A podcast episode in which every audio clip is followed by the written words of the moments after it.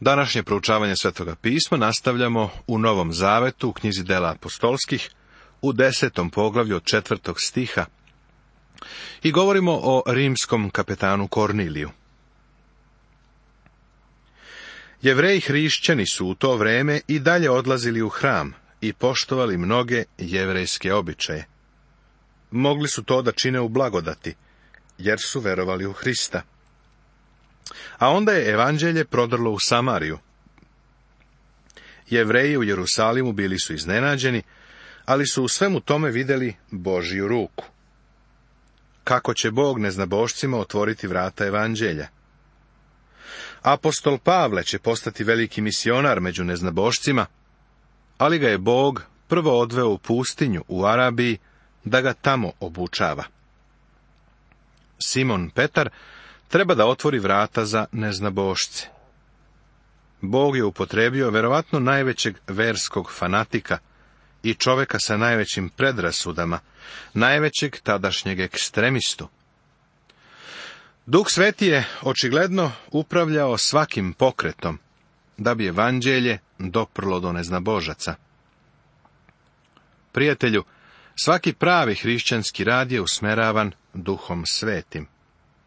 Nikakav drugi rad ne vredi ništa. Duh sveti je morao da deluje u srcu neznabožaca. Duh sveti je morao da deluje u srcu jevreja.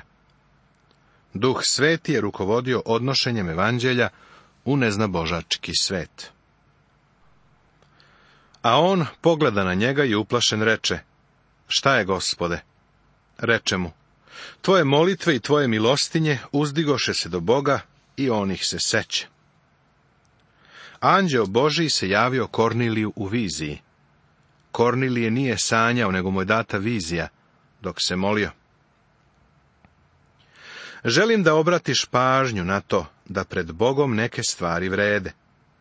Nisu to stvari kojima bi se i na kakav način zaslužilo spasenje, ali jesu nešto što Bog zapaža. Kornilijeve molitve i njegova dobročinstva su se uzdigla pred Boga, odnosno Bog ih se setio, pa mu je doneo evanđelje. Gde god postoji čovek koji traga za Bogom, kao što je Kornilije činio, takav čovek će čuti evanđelje Božije blagodati. Bog će se postarati da ga čovek dobije. I sad pošalje ljude u Jopu, i pozovi nekoga Simona koji se zove Petar. On je gost kod nekog Simona Kožara, čija je kuća kraj mora. Anđeo gospodnji mu govori gde će naći Petra. Ne treba mu ništa više nego adresa. Miris štavljenih koža u buretu odvešće ga na pravo mesto. A kad ode anđeo koji mu je govorio, on dozva dvojicu svojih slugu i jednog pobožnog vojnika, od onih što su stalno bili uz njega, pa im kaza sve i posla ih u Jopu. Ovi ljudi neće imati nikakvih problema da nađu kožarevu kuću. Dok su na putu, Bog priprema Simona Petra. Petrova vizija A sutradan, kad su oni putovali i približavali se gradu, pope se Petar na krov oko šestoga časa da se pomoli Bogu. Apsolutno je neophodno da Bog pripremi Simona Petra. Vidiš, Simon Petar nije imao širinu koju je Pavle imao. Iako nije imao Pavlovo vaspitanje i obrazovanje, Bog ipak može da ga upotrebi na drugi način. Verujem da je ogromna greška misliti da svako treba da bude izliven po istom kalupu da bi ga Bog upotrebio. U to ogladne i htede da jede, ali dok su mu pripremali jelo, pade u zanos i vide otvoreno nebo i nekakav sud kako silazi kao veliko platno, koje se na svoja četiri kraja spušta na zemlju. U njemu behu sve četveronožne životinje i gmizavci zemaljski i ptice nebeske. Ima i na umu da su to bile zveri, sve vrste ptice i svakakve bube i jedan glas mu doviknu. Ustani Petre, za zakolji i pojedi. Petar pak reče, ni pošto, gospode, jer nikad nisam jeo ono što je pogano i nečisto. Dok se Petar pita šta to znači, jedan glas mu govori. Zar nije zanimljivo što ga Petar naziva gospodom, a pritom nije poslušan onome što mu gospod kaže? Neka ti ovo ne promakne. Evo čoveka koji od dana Pentekosta na ovoj strani. Živi u razdoblju blagodati, u kome nema veze da li jedemo ili ne jedemo meso. Međutim, Petar i dalje poštuje zakon i ne jede ništa što je obredno nečisto. On je iskren i pošten u vezi sa ovim. Neko će možda reći da Petar treba da je široko uman i da jede sve. Pa, Vidiš da ga gospod uči da više nije pod Mojsijevim zakonom i da je slobodan da jede sve. Danas je veliki problem to što neki ljudi donose odluku da neće jesti meso, a onda nastoje da sve ostale ljude uklope u taj sistem. Prijatelju, pod blagodaću meso možeš da jedeš i da ne jedeš. To je tvoja stvar. Od neke hrane koju jedeš možeš imati problema sa varenjem, ali to ni u kom slučaju neće promijeniti tvoj odnos sa gospodom. I glas će opet njemu, po drugi put. Što je Bog učinio čistim, ne nazivaj poganim. Ono što je Bog očistio, ne zovi nečistim. Možeš jesti bilo šta, jer je Bog tako rekao. Ovo se dogodilo triput. put i odmah sud bi uzet na nebo. Petar je ostao začuđen šta se to dešava. A dok je Petar u sebi bio u nedoumici, šta može da bude prizor koji je video, gle, ljudi poslani od Kornilija, napitavši Simonovu kuću, stadoše pred vratima. Zovnuše i pitahu da li je ovde u gostima Simon zvani Petar. I dok je Petar još razmišljao o viđenju, reče mu duh, vidi, tri čoveka te traže, nego ustani, siđi i idi sa njima ništa ne premišljajući, jer sam ih ja poslao. Tada Petar siđe ljudima i reče, evo, ja sam onaj koga tražite, zbog čega ste došli? A oni rekoše, kapetan Kornilije, pravedan i bogobojazan čovek, za koga svedoči sav judejski narod, upućen je od jednog svetog anđela da te pozove u svoj dom i da čuje šta ćeš mu reći. Simon Petar treba da ide u Kesariju. Mala delegacija koju je Kornilije poslao objašnjava mu sve, a zatim ga poziva da sa njima pođe u Kornilijevu kuću. Kornilijevo obraćenje tada ih pozva unutra i ugosti. A sutradan usta i ode sa njima, i neki od braće iz Jope odoše sa njim. Sutradan pak uđe u Kesariju. A Kornilije ih je očekivao, sazvavši svoju rodbinu i prisne prijatelje. Kada pak Petar uđe u kuću, Kornilije mu pođe u susret, pade pred njegove noge i pokloni se možemo vidjeti da je Kornilije bio čovjek od značajnog uticaja na porodicu i prijatelje. Za ovu priliku sve ih je okupio. Također vidimo da je Kornilije i dalje paganin, ne zna božac. Kada mu je anđeo rekao da pošalje po Simona Petra, on je zaključio da je nešto važno u pitanju, pa je pao pred Petra u znak poštovanja i obožavanja. Zanimljivo je vidjeti Petrovu reakciju na ovo. Prijatelju Simon Petar nikada ne bi dozvolio da mu poljubiš ogromne prste na nogama. Prosto ti ne bi dozvolio.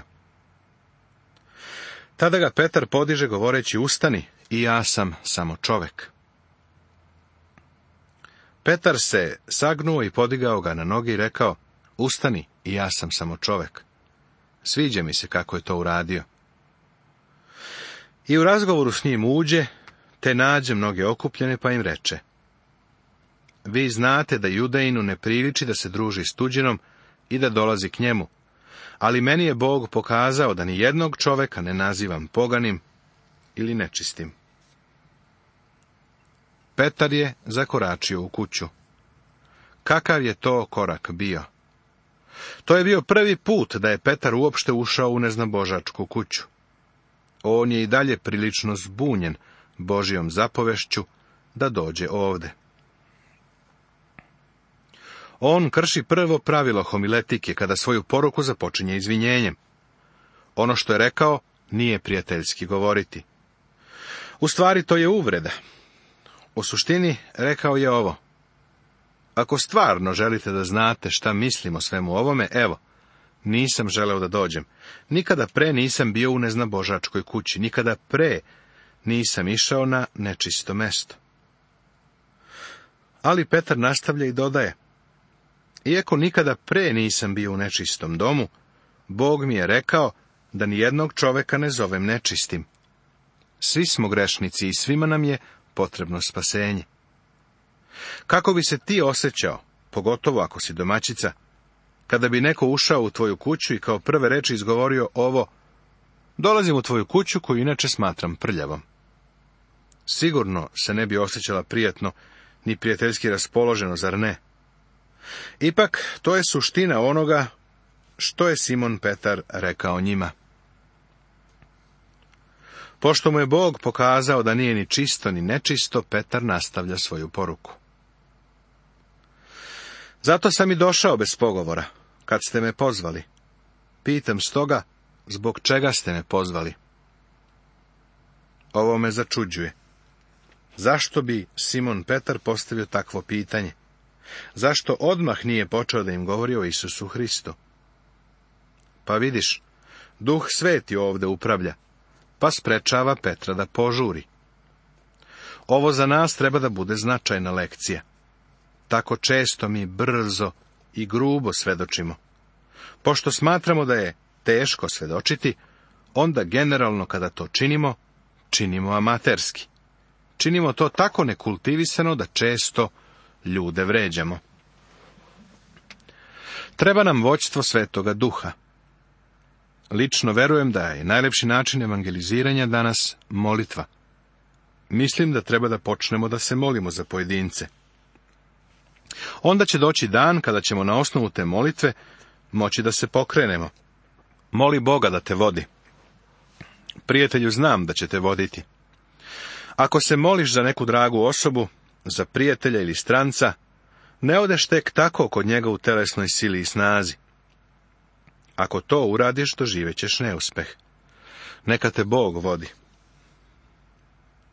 Dozvoli mi da sa tobom podelim jedno od mojih prvih iskustava u svedočenju. Kada sam bio student na fakultetu, želeo sam da vrlo revnosno svedočim za Boga. Ali bio sam vrlo stidljiv i iskreno govoreći želeo sam da budem siguran da me sveti duh vodi. Nisam imao novca za autobuski ni železnički prevoz, pa sam mnogo stopirao. Jednom prilikom bio sam na autoputu kada se neki čovek, koji je vozio potpuno novi model automobila marke Ford, zaustavio 50 metara od mene. Zatim mi je mahnuo i pozvao me da uđem. Rekao je da uvek promotri stopera pre nego što mu stane i pokupi ga. Predstavio se i rekao mi je da je prodavac farmaceutske kompanije. Pitao me je gde idem, odgovorio sam mu da idem u grad po imenu Memphis, pa i on je išao u isti grad, pa mu je bilo drago što je mogao celim putem da se vozi sa mnom. Ali morao je da se zaustavlja u nekoliko prodavnica i da pokupi naručbine. Što se mene tiče, to je bilo u redu. Dok smo se vozili, razgovarali smo o svemu mogućem pod suncem. U sebi sam se molio. Gospode, voleo bih da mu svedočim, ali treba da mi otvoriš vrata za to. Ne želim da ja započnem diskusiju na tu temu, jer ako to uradim, on će misliti da je sa njim u kolima nekakav verski ludak. Ako ja budem otvorio vrata, on će vjerojatno otvoriti automobilska vrata i reći mi da izađem. Tako smo se i dalje vozili i pričali. Na kraju me je pitao da li bih želeo da ja vozim. Naravno da sam želeo da vozim ta nova kola, i učinio sam dok se on odmarao. Bili smo na nekih devedesetak kilometara od Memfisa kada smo prestali da razgovaramo. Nastala je tišina, ja sam se i dalje molio, gospode, približavamo se Memfisu, a vrata za razgovor mi se još nisu otvorila. Ja ih sam neću otvoriti jer se blašim da će me izbaciti. Ako hoćeš da svedočim, ti mi otvori vrata. Vozili smo se još otprilike desetak minuta, on je onako s neba pa u rebra rekao, znaš, juče smo moja supruga i ja išli u crkvu. Pogledao me je i nasmejao se, ja sam se također nasmejao. Zatim je rekao, ne idem tako često, ali taj propovednik je rekao nešto vrlo smešno. Rekao je da će Isus ponovo doći na zemlju. Šta ti misliš o tome? Pa prijatelju, rekao sam mu, Zatim sam mu ispričao sve o prvom dolasku gospoda Isusa. Na kraju sam rekao, drugi Hristov dolazak za tebe danas ništa ne znači. Ako te njegov drugi dolazak zanima, moraš da upoznaš Hrista i prihvatiš ono što je učinio za nas kada je prvi put došao. Gledao me je široko otvorenih očiju. Dovezao me do internata gde sam stanovao na fakultetu, parkirao je kola, rekao, znaš, želeo bih da te ponovo vidim. Ja sam da rekao, da li bi želeo da prihvatiš Hrista kao svoga spasitelja? A on je odgovorio, naravno da bih želeo. Rekao sam da to može da učini tu gde je, u kolima. Pognuli smo glave i molili se. Prvo sam se molio ja, a onda sam rekao njemu da se moli. Prihvatio je Hrista. Biću iskren, nikada ne bih otvorio usta da ga gospod nije podstakao da započne ovaj razgovor moramo imati voćstvo svetoga duha. Duh sveti je pripremio njegovo srce, pa je njegov razgovor bio iskren. U toku prve propovedi koju sam propovedao nakon što sam postavljen da služim u gradu Nešvilu u Americi, dok sam posmatrao zajednicu, primetio sam tog čoveka i njegovu suprugu. Samo je sedeo tamo i smešio se. Nakon toga pozvao sam ga da se pridruži našoj crkvi. Rekao mi je da su već deo jedne druge dobre crkve u drugom delu grada. On i njegova supruga su postali aktivni hrišćani. Kakvo je to silno iskustvo bilo. Treba da budemo vrlo pažljivi u svedočenju. Duh sveti treba da nas vodi. Simon Petar ne nastupa direktno i ne započinje predavanje, niti propoved. Prvo želi da vidi šta se dešava. Zašto ste me pozvali, pita. Zašto ste poslali ove ljude da me dovedu? I Kornilije reče. Pre četiri dana, baš u ovo vreme, u deveti čas, molio sam se Bogu u svojoj kući i gle, čovek u sjajnom odelu stade predame i reče. Kornilije, uslišena je tvoja molitva i Bog se setio tvojih milostinja. Pošli stoga u Jopu i pozovi Simona koji se zove Petar, on je gost u kući Simona Kožara kraj mora. Tako odmah poslah k tebi i ti si dobro učinio što si došao. Sad smo ovde svi pred Bogom, da čujemo sve što ti je gospod zapovedio. Kornilije mu kaže, zaista ne znam zašto sam poslao ljude da te dovedu. Znam samo da mi je gospod rekao da pošaljem po Simona Petra, mora biti da imaš neku poruku za mene. Tada Petar otvori usta i reče, zaista uviđem da Bog ne gleda ko je ko, nego mu je u svakom narodu dobrodošao ko se njega boji i tvori pravdu. Vi znate reč koju je poslao sinovima Izraeljevim, objavljujući kao evanđelje mir kroz Isusa Hrista. Ovaj je gospod svima. Vi znate šta se dogodilo po celoj Judeji, počevši od Galileje posle krštenja koje je Jovan propovedao. Očigledno su Kornilije i ostali ljudi koji su se kod njega bili okupili, čuli određene osnovne činjenice o Isusu iz Nazareta, kao i o službi Jovana Krstitelja. Znate Isusa iz Nazareta, kako ga je Bog pomazao duhom svetim i silom. On je prošao čineći dobra i lečeći sve koje je đavo savladao, jer je Bog bio sa njim. I mi smo svedoci svega što je počinio u judejskoj zemlji i u Jerusalimu. Njega su ubili, obesivši ga od drvo. Njega je Bog vaskrsao i treći dan i omogućio mu da se pokaže. Simon Petar iznosi činjenice u Isusu, pretpostavljajući da oni neke činjenice već znaju. Jasno pokazuje da je Isus bio razapet, i da je trećeg dana ustao, to je evanđelje. Ništa manje od toga ne vredi. Nastavit će se.